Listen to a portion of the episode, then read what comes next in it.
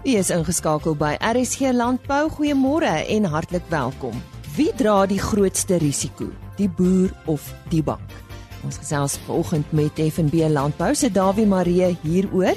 En uh, dan vind ons ook meer uit oor die ontwikkelingsprojekte waarby VKB betrokke is. Ons begin met landbou nuus. Volgens die Suid-Afrikaanse Landbou Masjinerie Assosiasie is 600 trekkers in Maart vanjaar verkoop. Dit is aansienlik minder as die 726 eenhede wat verlede Maart verkoop is. Verkope vir die jaar tot dusver is ook aansienlik minder as verlede jaar. Trekkerverkope vir die opeenvolgende 12 maande is 5% laer as vir die vorige ooreenstemmende tydperk. Slegs 23 stroopers is verkoop wat 2 eenhede minder is as die 25 eenhede wat verlede Maart verkoop is. Verkope vir die jaar tot dusver is 22% minder as verlede jaar. Vir die opeenvolgende 12 maande is stroperverkope 3% minder as vir die vorige ooreenstemmende tydperk. Die nasionale oeskattingskomitee het hul verwagting vir die komende mielieoes onlangs effens opgeskuif. Almal in die graanbedryf sit nou op die punte van hulle stoele om te kyk hoe hierdie uitdagende seisoen gaan afspeel. En uh, ek gesels nietemin met Dawie Maree natuurlik van FNB Landbou, 'n bekende op ons program. Hy vertel vir ons nou watter effek die oes en mielieprys op boere se finansiering gaan hê. Dawie, wat dink jy is die rede vir hierdie opwaartse aanpassing in die oeskatting? Lisa, ek dink die die groot rede is die laat reën wat ons ontvang het uh in die westelike gedeeltes van van ons mielieproduseerende area wat natuurlik laat aangeplant het. Um as ons in ag neem baie van daai boere het tot laat in Januarie nog aanplantings gehad. Uh het sy nou families of van sonneblomme. Um en en ek dink hierdie laat reën wat ons gehad het was baie voordelig geweest vir daardie laat aanplantings. Um, en ek dink dit is die rede vir die vir die opwaartse aanpassing uh in die in die oeskatting. Nou die opwaartse aanpassing was maar baie klein geweest. Uh dit is nou nie asof ons miljoene uh tonne ekstra gaan produseer nie. Um so dit het ook nou nie 'n groot beweging op die mark gehad uh na die aanpassing nie. Wat is van die grootste onsekerhede wat tans in die graanbedryf heers?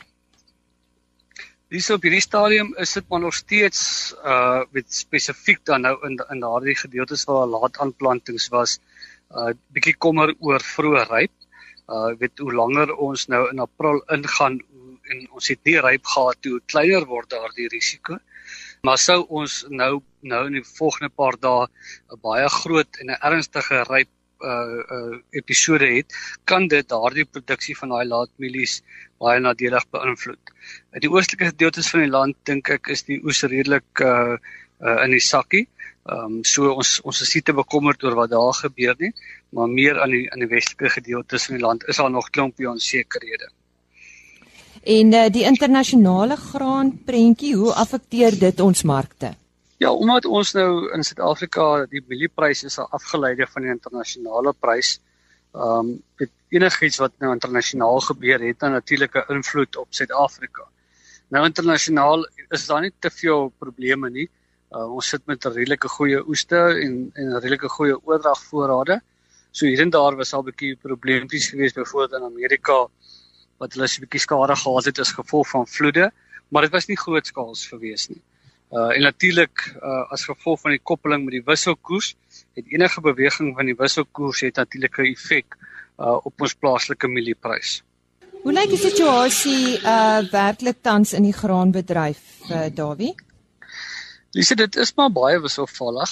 As ons gaan kyk na sekere gedeeltes van Suid-Afrika dan dan lyk die oeste baie positief en die en die situasie van die boere is natuurlik ook in 'n in 'n beter toestand.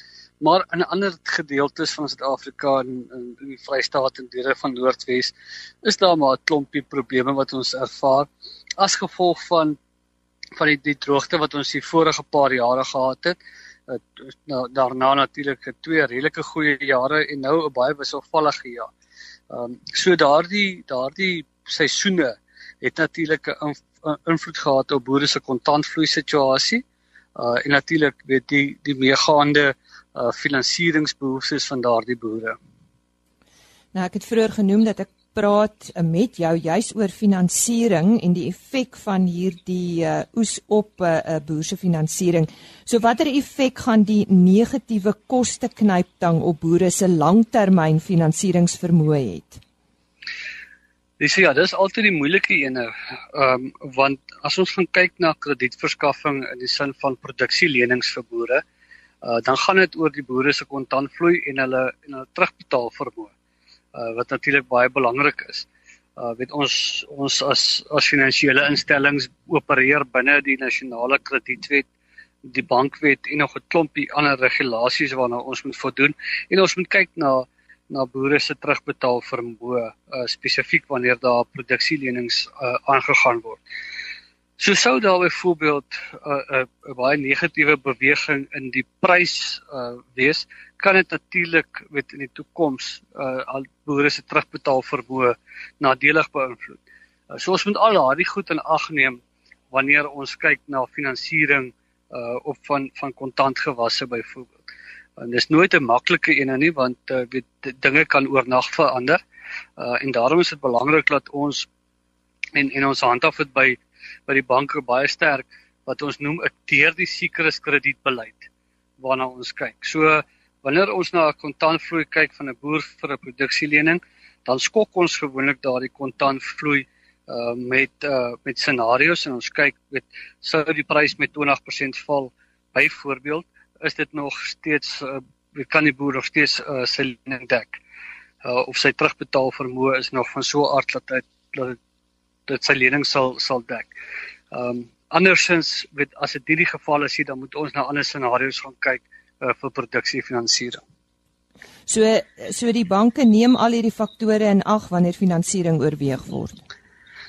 Definitief. Uh, hmm. Ons probeer sover as moontlik bly op hoogte bly van beide plaaslike en internasionale faktore. Uh want dit alles het natuurlik 'n invloed op op ons plaaslike boere se pryse, die wisselkoers uh onder andere en natuurlik die algemene marktoestande in Suid-Afrika ook. So met alles wat nou genoem is, het jy daarom nog steeds hoop vir die graanbedryf, Dawie? Definitief. Ehm um, ja, nee, daar's altyd hoop vir die graanbedryf. Ehm um, dit behalwe vir die feit dat die graanbedryf ons stapel voedsel in die vorm van van witmielies produseer.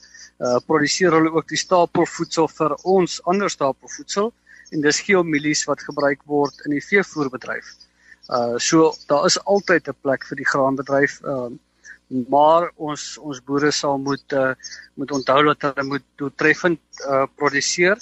Ehm um, die koste knyp dan gaan altyd met ons wees. En en dis dis belangrik dat ons dan met uh meer meer moet produseer met beperkende hulpbronne. Wat is uh, julle verwagtinge in terme van mielievoorrade later in die seisoen? Dis dit gaan baie afhang van wat nou met die met die met die mielieoes gaan gebeur, maar as ons kyk hoe hy tans daar daarna uitsien, dan behoort ons uh af te sluit met daarmee 'n redelike positiewe voorraad nog steeds. Uh die huidige oes is min of meer in in verhouding met ons plaaslike verbruik. Uh en dan natuurlik is daar 'n klompie uitvoerkontrakte wat nog steeds gehandhaaf word uh na ons buurlande toe binne in binne in SADC en ander Afrika lande ook. Um so daai daardie geleentheid is nog altyd daar. Uh maar sou daar iets drasties met die oes verkeerd gaan, uh, byvoorbeeld 'n uh, uh, ernstige ryp uh nou binnekort dan mag dit dalk negatiewe 'n negatiewe effek op ons oordragvoorrade hê. Nou ja, moenie weggaan nie. Ons gesels 'n bietjie later weer met uh, Dawie Marie van FNB Landbou, dan beantwoord hy daardie vraag: Wie dra die grootste risiko, die boer of die bank? Ons gesels vanoggend met VKB oor hulle ontwikkelingsprojekte. En ek gesels onder meer met Piet Potgieter, hy's bestuurder ontwikkelende landbou by VKB. Nou Piet, as ons nou praat van ontwikkelende uh uh projekte, wat motiveer 'n landbouorganisasie soos VKB om by sulke inisiatiewe in die landbousektor betrokke te raak? Uh, ons wil in die eerste plek 'n uh, positiewe impak op die landbou maak en veral in ons besigheidsomgewing. So uh, ekonomiese groei, uh, billike verdeling van inkomste en hulpbronne, en sosio-ekonomiese ontwikkeling is ons baie belangrik. So as kyk veral na aspekte soos werkskepping, armoede verligting en natuurlik voedselsekuriteit. En dan baie belangrik ook um, ons sosiale verantwoordelikheid en om sosiale harmonie in ons omgewing te verseker. Dit is ons baie belangrik. En dan wat ons nie uit die oog uit moet verloor nie is natuurlik die natuurlike omgewing bewaring van die hulpbronne vir die vir ons nageslag um bly altyd kardinaal in ons programme. So waaruit bestaan die kriteria? Met ander woorde, hoe besluit julle by watter projekte julle betrokke wil raak? Hulle die ons belangrikste oorhoofse kriterium is kriterium is uh, langtermyn volhoubaarheid en 'n suksesvolle projek wat 'n impak kan maak En wat ons hier in gedagte moet hou natuurlik is dat uiteindelik sal ekonomiese realiteite en globale tendense die sukses en die volhoubaarheid van 'n projek bepaal. So ons moet baie seker maak dat dat 'n projek op sy eie bene kan staan in in die globale omgewing oor tyd. En dan natuurlik ook moet ons kyk dat as ons 'n projek kies, laat dit in pas is met VKB se bydrae wat hy kan maak en dat daar 'n goeie pas is tussen VKB en ons omgewing en die spesifieke projek. Fokus julle net op spesifieke provinsies of gebiede? Ja, die aard van die saak, ons bedieningsgebied is vir ons prioriteit en ons dit sluit in uh, die grootste deel van die Oos-Vrystaat met ons hoofkantoor in Ryds en eh, dan ook in in die hele Limpopo provinsie VKB sterk footprint en uh of voetspoor en daar het ons kantore in uh, Modimolle en in Polokwane en ja waar waar ons in ons gebiedsgebied is daar goeie infrastruktuur daar's handelstakke daar's silo's en uh het ons het ons het 'n volle ondersteuningspakket wat ons in ons gebied kan kan aanbied. Maar ons kyk ook na randgebiede waar VKB ook na toe uitgebrei het soos dele van Natal en so aan. Maar as ons buite ons gebied gaan, moet dit moet daar spesifieke meriete vir projek wees. Ek dink alwaar veral waar ons met finansiering betrokke is, is binne ons gebied 'n uh, groot prioriteit. Nou goed, kom ons gesels oor daai projekte. Noem vir ons uh, 'n uh, voorbeeld op of twee en dan verduidelik ook sommer vir ons waaruit julle ondersteuning bestaan. Goed, dit kan 'n mondvol wees, maar kom ons vat 'n voorbeeld.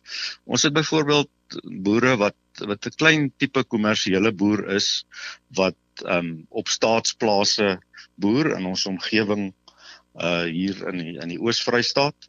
En ons het agtergekom of die boere het, het, het strukturele beperkings wat wat maak dat hulle nie regtig kompeterend in die in die landbouomgewing kan wees nie. So ons begin om hierdie boere te te ondersteun met graanboerdery en en vordering gemaak daarmee. Maar op die ou einde het hierdie boere het ons gevind dat hulle nog dat hulle ekonomie van skaal beperkend is. Dan hoor hulle kan geld maak per hektaar net soos 'n kommersiële boer, maar dan is hulle boerderye nog te klein om hulle gesin te onderhou en kritiese kapitaalinvesterings te doen. So ons het toe gekyk om om na hoër vlak te gaan en ons het gesoek na hoë waarde intensiewe gewasse. So het ons byvoorbeeld asperges by hierdie boere se produkmengsel ingesluit um, om hulle meer volhoubaar te maak en die oomblik toe ons na daai gewas toe gaan, ehm um, VKB het net 'n sekere deel van die kennis en die tegnologie en en om dit te implementeer, het ons vennote bygetrek. Eerstens om befondsing te gee vir hierdie projekte. Daar het ons dink ons aan ons vennote soos Jobs Fund en die Graanontwikkelingsassosiasie van Suid-Afrika. Uh Jafara soos wat dit bekend staan, Landbank en ander organisasies. Ehm um, so dit het gehelp met die vestigingskoste van hierdie gewasse. En maar het ons 'n verdere probleem gehad en dit is natuurlik marktoegang. En daar het ons privaat sektor vennote bygetrek uh by name van Denmar wat 'n uh, organisasie of 'n boerdery, sterk boerdery in ons omgewing is. En so het ons dan nou deur met hulle saam te werk toegang gekry tot ehm um, die finale kettinggroep markte soos soos Pick n Pay en en so voorts. Ehm um, en Ja, dit is ek dink dit is een goeie voorbeeld van 'n projek wat ons gedoen het in Limpopo gebied miskien. Ehm um, daar's dit nou weer 'n totale ander situasie. waar dit meer intensiewe gewasse en so aan is, en besproeiingsgewasse. Daar het ons byvoorbeeld 'n projek waar ons aardappelboere ontwikkel wat op met spulpunt uh besproeiing en so aan en dit vind op stamgronde plaas. En daar het ons ook die job van by 'n projek betrek, maar om aangesien dit aardappels is, het ons organisasies soos Aardappel SA ook betrek en werk ons ook met hulle saam op daardie projek. En ook um, met kommersiële boere in die omgewing wat dan help met mentorskap en en met ehm um, sekere operasies op van die plase. So ja, dit klink vir my asof uh, mentorskap nogal 'n groot rol speel. Ja, ek dink mentorskap staan sentraal Uh dis vir ons baie belangrik dat die boer moet betrokke wees. Met ander woorde, laat ons nie net vir die boer boer nie, maar laat hy self boer en en op 'n baie praktiese vlak in totaliteit betrokke is by die boerdery. So jy kan 'n boer net soveel leer in 'n klaskamer of met kursusse op die ou ende. Boerdery is kompleks. Die boer moet dit self doen. Wat ons dan doen met die mentorskap, ons staan langs die boer. Die boer boer self, maar ons probeer hom bystaan volledig. Deurdat ons mentors hierdie boer sal eenmal 'n week besoek en hom in totaliteit bystaan, ook met aspekte so skakeling met verteenwoordigers van ehm uh, weet insette afneem van produkte. So dit gaan nie vir ons net oor die tegniese mentorskap nie.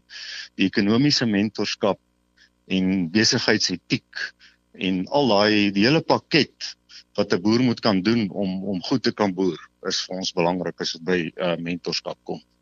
En dan natuurlik ook ons finansier baie van hierdie boere sonder enige sekuriteit, sonder grond as sekuriteit. Soos ek nou nog gesê het, hulle is baie keer op staatsplase wat hulle nie self besit nie of op stamgronde selfs in die Limpopo area.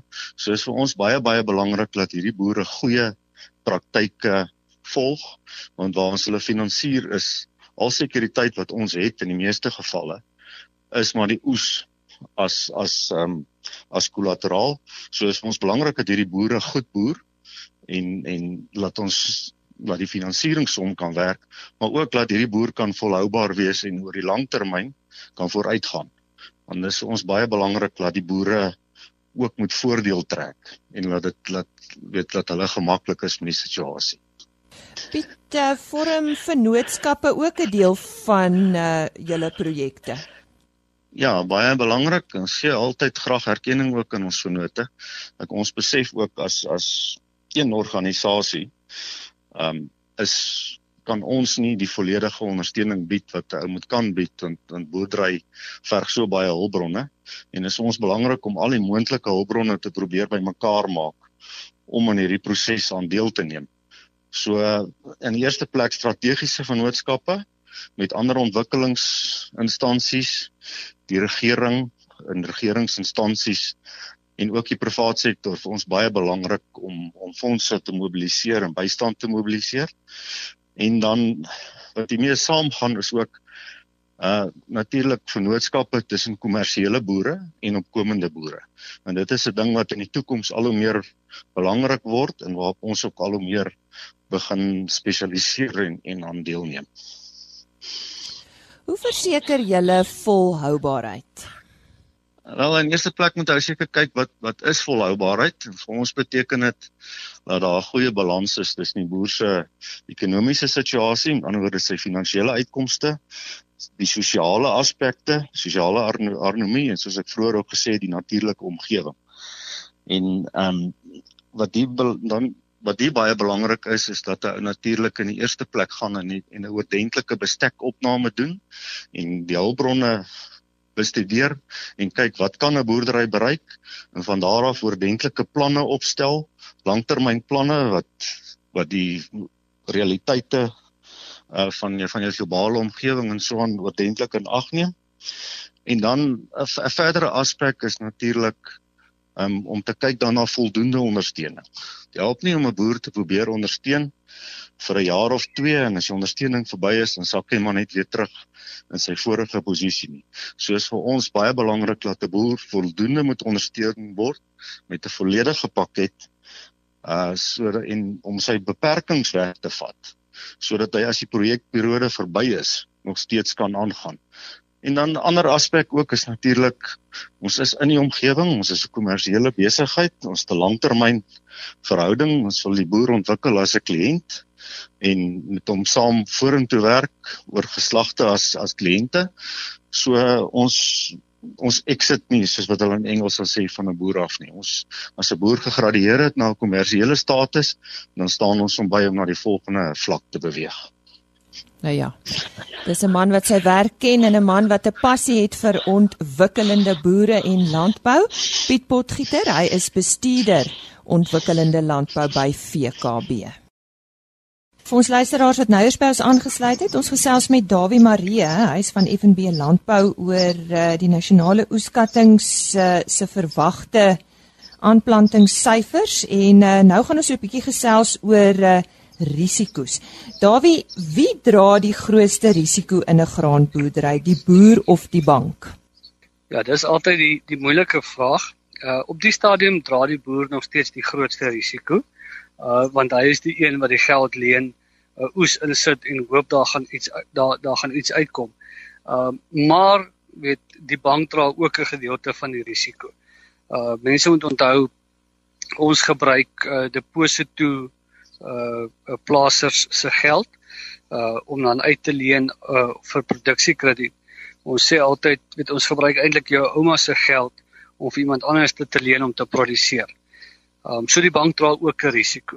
Sou die dinge natuurlik so ver uh, verkeerd loop dat 'n boer dan nou dan nou uitboer, ehm um, dan is daar altyd die moontlikheid dat ons 'n gedeelte of die of die volle bedrag kan terugverhaal uit uit uit uh, uit 'n uh, plaasverkoop byvoorbeeld, maar daar is ook die risiko dat dit nie die geval is nie. Uh en dan moet skuld afgeskryf word. So op die stadium die boer dra die dra nog steeds die gereel, die die die risiko, maar die bank definitief staan ook op die ount in vir 'n klompie risiko in die sektor. En en hoe bestuur banke nou hierdie risiko? Dit is waar ons verhoudingsbestuur baie belangrik is. Ehm um, weet waar ons saam met die boer wil werk, ehm um, om seker te maak dat die planne wat hy maak, uh, daarom ooreenstem met wat moontlik is uh in terme van ons finansierings ook um, om seker te maak dat dat uh, die die prys wat hy dink hy gaan behaal dat dit dat ons dit kan realiseer en daarom is die verhouding wat ons dan natuurlik by die boere het baie belangrik. Weet ons wil nie net 'n finansierder wees nie, ons wil eintlik iemand wees wat jou help uh, om om suksesvol te boer. As dit nou by risiko kom, wat is die grootste struikelblokke in die graanbedryf as sulks? Ek dink een van die grootste struikelblokke is die die gebrek aan aan oesversekerings uh, subsidie. Uh met oesversekering in Suid-Afrika is 'n redelike duur veral as jy omvattende versekerings uitneem. Is 'n redelike duur uitgawe. Um en in areas voor die westelike areas uh het daar al reeds van die versekeringsmaatskappye en die herversekeraars besluit om om 'n minder mate uh, uh oesversekering te verskaf en ek dink dit is 'n baie groot beperkende faktor. Ehm um, so as ons van daardie risiko's kan kan uitsny en eintlik die boere kan help om 'n subsidie te kan kry op oesversekering sal dit baie positief wees. Suid-Afrika is een van die baie min lande wat nie 'n subsidie op op oesversekering verskaf nie. In in die FSA byvoorbeeld word 50% van boere se versekeringssubsidies word gesubsidieer werk die bedryf daaraan sodat daar uiteindelik vir ons boere ook 'n subsidie kan wees al al is dit nou 'n mindere mate? Ja, Graan SA, uh die kommoditeitsorganisasie is is is baie hard besig om daaraan te werk. Ehm um, tesame met die die die vereniging van versekerings in Suid-Afrika werk hulle aan daardie planne uh om dit in werking te stel. Die regering is ook al ehm um, met baie meer tegemoetkomend wat dit betref. En daar is sprake van 'n 'n versekeringssubsidie.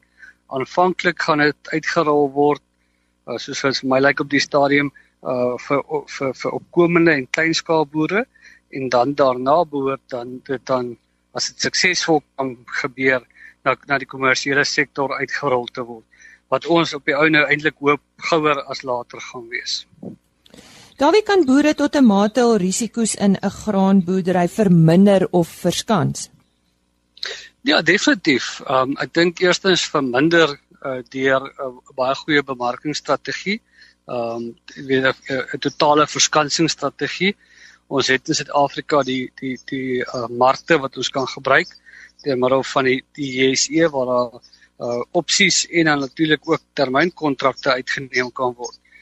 In hierdie geval sal ek dan net boere aanbeveel om dit definitief uh, in samewerking met 'n kenner te doen. Dit ouens wat weet hulle wat hulle doen en nie te spekuleer op die mark nie. Uh maar gebruik die meganismes wat wat tot jou beskikking is uh om jou risiko te verminder. En dan natuurlik versekerings is altyd daar uh beskikbaar om jou te help om daardie risiko's dan nou verder te bestuur. Dit was aan die stem van Dawie Marie, hy's hoof van kommunikasie en bemarking by FNB Landbou. En dit bring ons dan aan die einde van vandag se program. Skakel gerus môreoggend weer in. Dan praat ons onder andere met Samick. Hulle is die Suid-Afrikaanse vleisbedryf maatskappy en uh, Rudy van der Westhuizen beantwoord ook 'n interessante vraag. Mag 'n boer enige diere op sy plaas self slag? Dis een van die vrae môreoggend op RSG Landbou. RSG Landbou is 'n produksie van Plaas Media. Produksieregisseur Henny Maas. Aanbieding Lisa Roberts. En inhoudskoördineerder Jolandi Root.